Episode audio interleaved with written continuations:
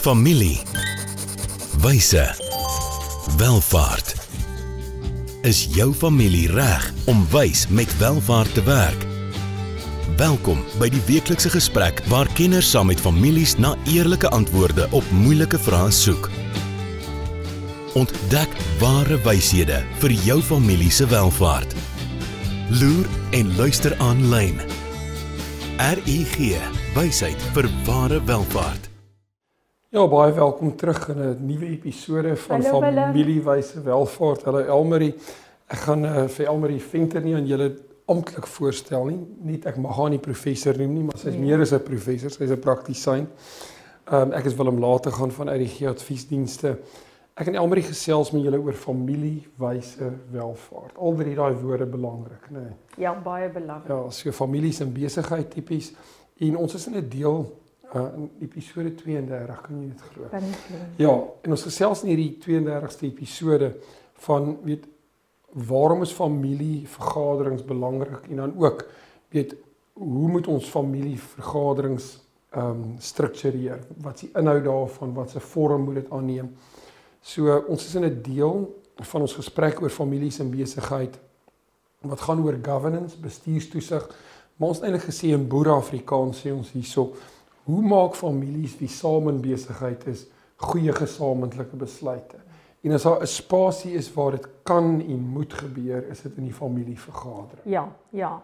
En en ehm um, Willem net om weer terug te kom, dis 'n baie belangrike praktiese blok waarmee ons besig is. Ja. En die die vraag is hoe maak ons beter besluite? Hoe kan ons beter konflik hanteer? Hoe kommunikeer ons beter?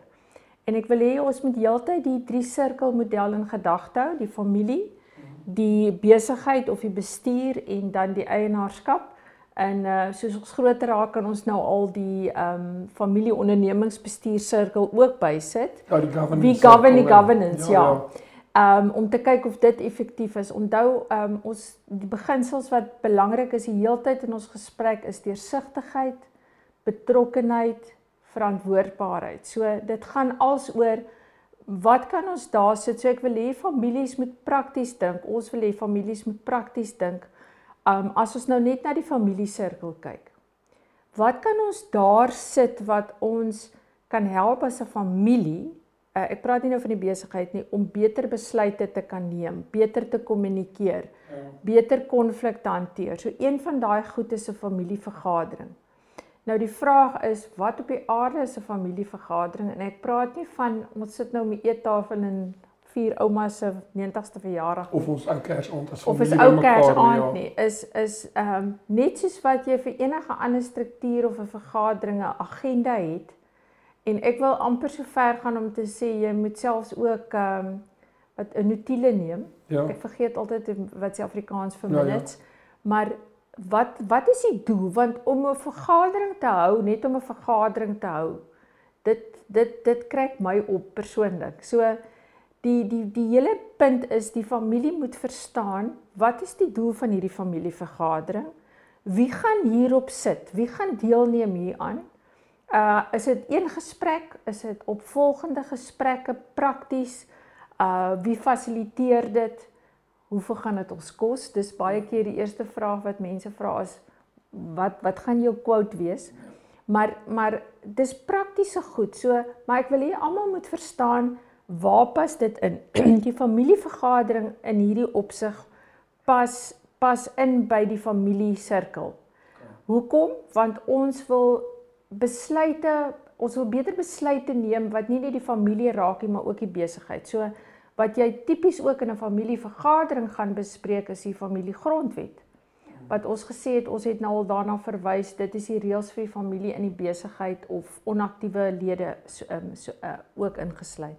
So Willem, ja, kom ons kyk vandag en uh, miskien kan ons net weer terugkom na jy het uh, ons baie mooi ingelei op 'n stadium met jou in twee blokke baie gepraat oor die investering, finansies. Ehm um, waar pas geld in hierdie hele proses in? Hoekom is dit belangrik vir ons om familievergaderings te hou? Hoekom hoekom is dit belangrik vir 'n familie wat welvaart het? Ja, jy weet baie keer wanneer mens met families in welvaart ehm um, gesels dan ook families in besigheid wat welvaart uit hulle besigheid oor tyd bou, dan word hierdie welvaart tussen generasies oorgedra en van die vrae wat ek baie keer dan kry is wanneer vertel ons die kinders? Ja. Ek ja. sê baie keer vir mense sien nodig om vir kinders te vertel nie, hulle weet klaar. Ja. julle hou dierder vakansies, julle bly in dierder huise, ja. julle ry in dierder karre, van julle vlieg met vliegtye, jy weet se kinders is nie dom nie, hulle weet al lank al. Maar ehm um, dit gaan daaroor om die Engelse woord op 'n age appropriate manier binne die konteks van die familie te besluit wie nooi ons almal na hierdie vergadering toe, wat se vorm gaan hierdie vergadering aanneem en uh, weet hoe betrek ons in verskillende kontekste die regte partye by die vergadering. So in so 'n vergadering moet jy vir 'n 5-jarige ehm um, kan verduidelik, jy weet, hoekom spot jou maatjies jou by die skool hieroor. Ehm um, en weet jy is 'n renkmeester van dit wat ons families al oor geslagte of tyd maar meer as 100 jaar ehm um, hier opgebou het en dit plaas jou weet in 'n baie bevoordeelde posisie. I mean, maar wat beteken dit vir jou prakties as 'n 5-jarige? So ehm um, ja, dit geld kan baie goeie goed in die wêreld doen, maar geld kan ook vernietigende goed in die wêreld doen, maar ek dink wat die waarde van geld tussen generasies hou is die familie se waardes.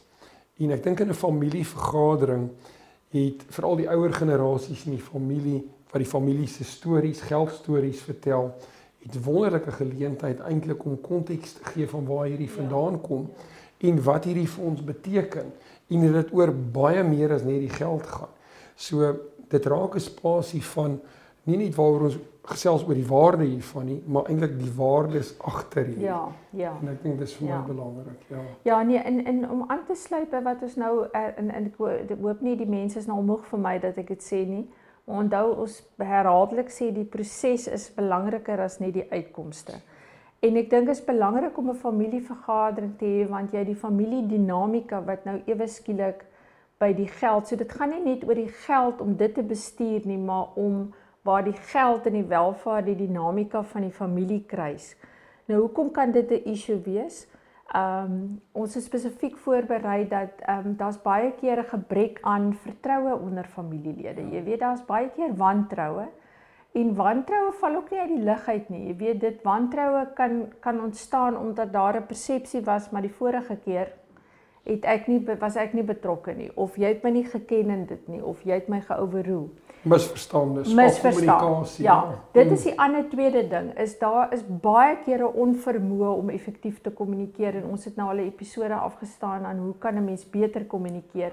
En dan die ander een is dat ehm um, die mislukking van die opkomende geslag om hulle om om effektiever hulle rolle voor te berei. Onthou jy het 'n hele blok gehad oor ehm um, hoe maak 'n mens die volgende generasie groot? So dit is nie 'n eenvoudige proses nie, maar weer eens, ons het gesê of jy nou 10 jaar oud is of 20 jaar oud is as 'n familie of 100 jaar of 150 jaar, daai proses is belangrik. Ehm um, so ja, kom ons kyk miskien Willem, ehm um, wat is die inhoud van so 'n familievergaderings? Wat sal 'n mens tipies op so 'n familievergadering bespreek? Ja, ek dink wat belangrik is as ek 'n klein tree kan teruggee is dat mens intentioneel moet wees. Sien meer, hierdie gebeur nie van self nie. Ja. So die feit dat julle as familie gereeld saamkom, braai, rugby kyk, sulke goeters. Dit tel nie as familievergadering. Nee, so miskien nee. ook jy het reeds gesê. Ja. Mens moet dalk begin deur te sê, weet wat dit nie is nie. Dit sê nie dat 'n familievergadering hierdie ontsettende alhoewel ons dalk agendas neem of agendas volg, ehm um, minutes neem. jy weet alhoewel formele elemente hierin is, moet dit 'n spasie wees waar mense ehm um, gemaklik is en en hulle sê sê. So ehm um, as dit formeel aan die een kant is omdat ons intentioneel is, ons gaan baie spesifieke goed bespreek. Ehm um, moet dit ook 'n spasie wees waar mense nie bang is om na te kom en te kom praat nie. So wat ek in my loopbaan geleer het is dit help partymal om hierdie familievergadering weg te vat van die formele werksplek af. So ons gaan dit nie um om oupa se groot direksietafel by die werk doen nie. Ons gaan dit ook nie noodwendig by oupa en ouma se huis om die eetkamertafel doen nie. Ons gaan dit veral vir die opkomende generasies in die besigheid, gaan ons dit dalk op 'n neutrale plek doen waar ons dalk um, sekere spanbouaktiwiteite gedoen het en nader aan mekaar beweeg het as familie, die ooms en die tannies, die neefies en die niggies en waar ons dan in 'n omgewing gaan sit wat nie die werksplek is nie, maar ook nie sê die patriarg of die matriarg se huis nie. Wat ek ook gevind het daar is om dan nie noodwendig om 'n raadstafel te gaan sit nie, maar om op sagte stoele te gaan sit in 'n sirkel waar ons mekaar in die oë kyk, waar oupa wie die besigheid dalk 40 jaar terug begin het, dalk vir 'n uh, 18-jarige laaitie wat een of ander komputer geek is en wat dalk hierdie besigheid na 'n volgende vlak toe kan vat waar oupa en sy kleinseun mekaar in die oë kan kyk en waar hulle op 'n manier gespreksgenote raak en gelykes raak. En dan wat bespreek ons? Daar moet eintlik in 'n familiebesigheid nie taboes wees nie. Jy weet, ons moet amper enige iets op die agenda kan sit. Ons moet baie keer ook intentioneel wees veral ons gesels oor dat 'n familie besigheid um, 'n leerorganisasie is.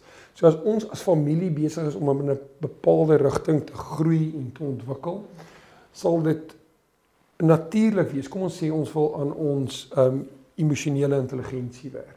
Dat daar dalk aktiwiteite rondom dit kon wees dat ons gaan gesels oor van hierdie uitkomste dat ons dalk mekaar se persoonlikheidstipes met mekaar gaan bespreek en sê maar weet oupa wat hierdie dominante sterk patriarg van die familie is. Hoe werk hy nou met hierdie computer geek wat heeltemal 'n 'n 'n nerd figuur is, maar wat 'n baie belangrike persoon is.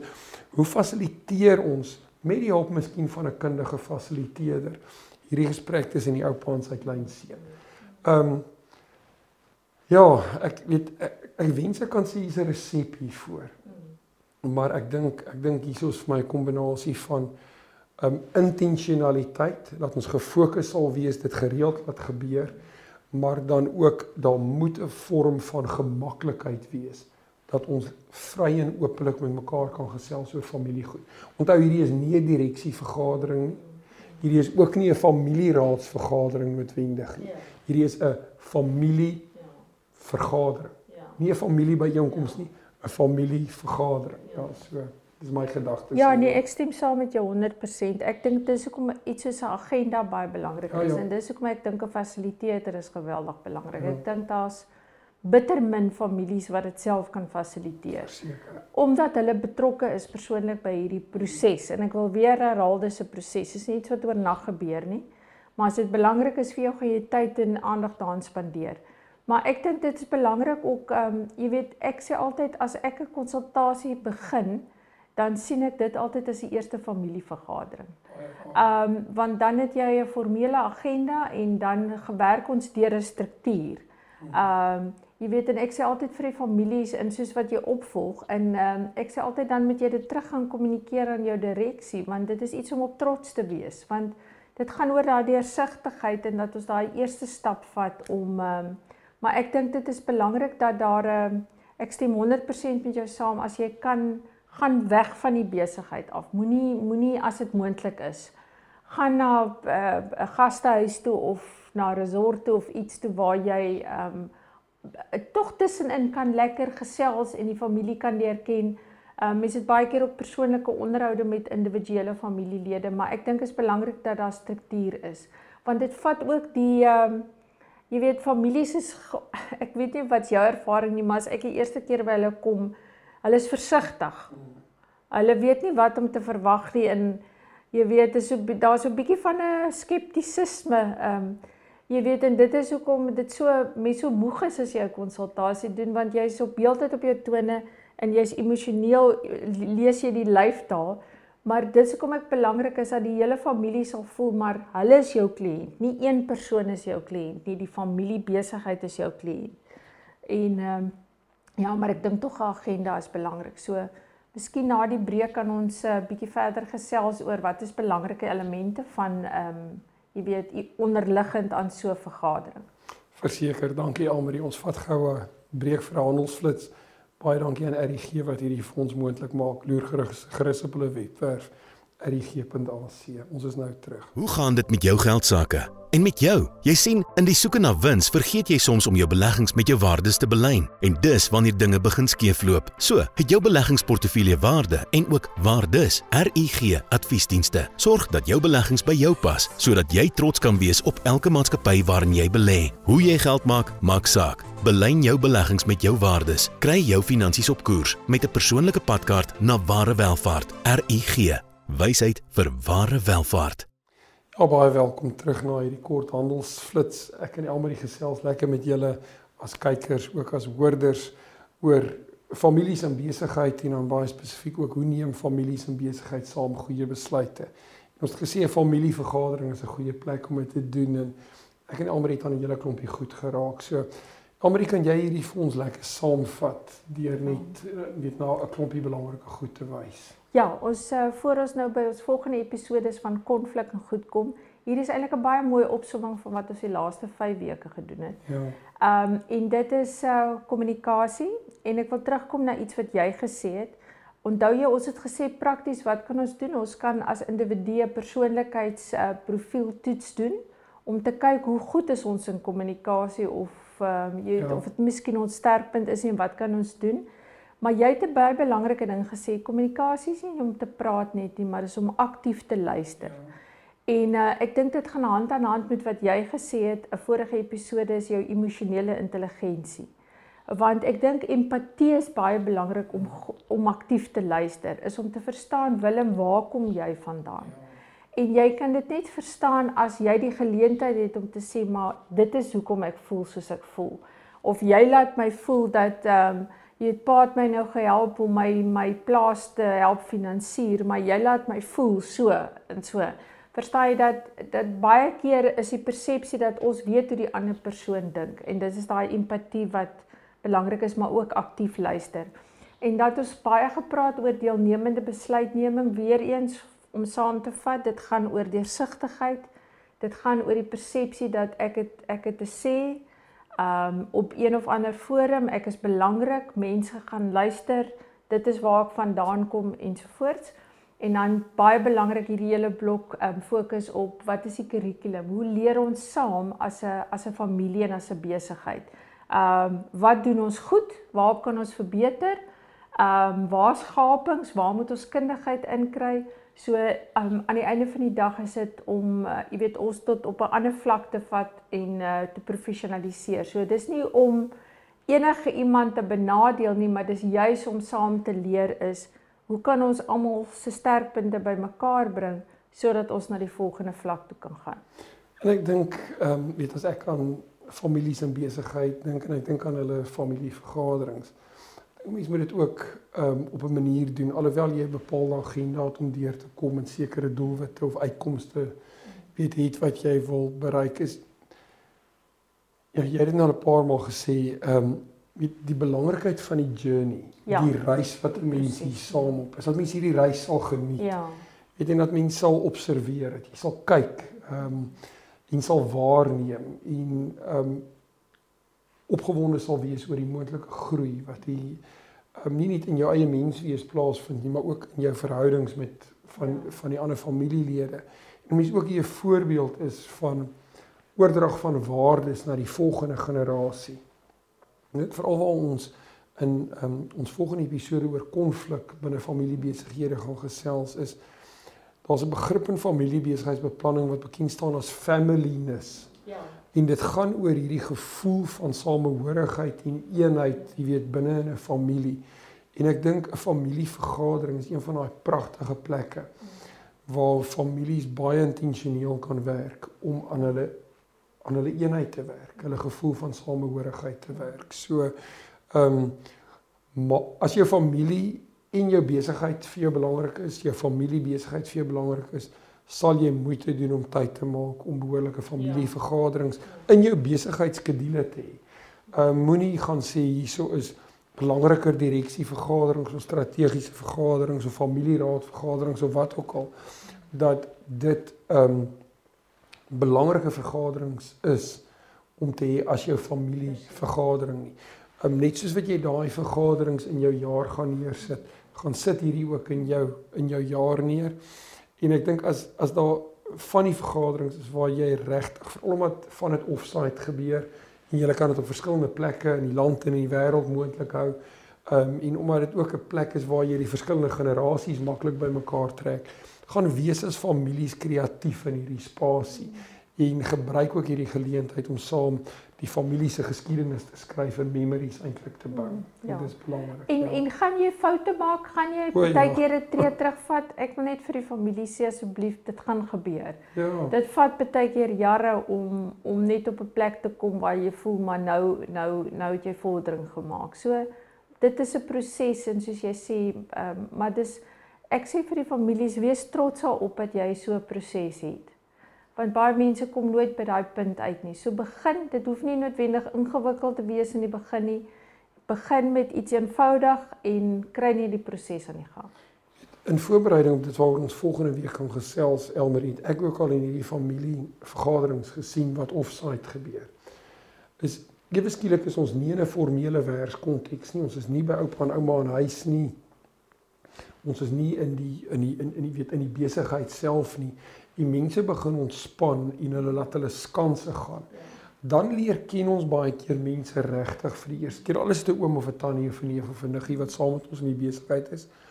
Maar dan kom die werklike issues partymal uit. So daar's partymal konflik in daai situasie. Ons weet nie waar kom dit vandaan nie. Dit is eenvoudig net omdat mense hulle skanse laat gaan. Ja. En dis 'n goeie ding. Ja. Ja baie ja. dankie Willem. Dankie aan jou Elmer. Ons sien julle volgende week. Oor konflik, ja, interessante gesprek. Mooi bly tot dan. Dankie Willem. Volgende keer gesels ons verder oor wyshede wat families nodig het vir ware welvaart. Familie. Wyse. Welvaart.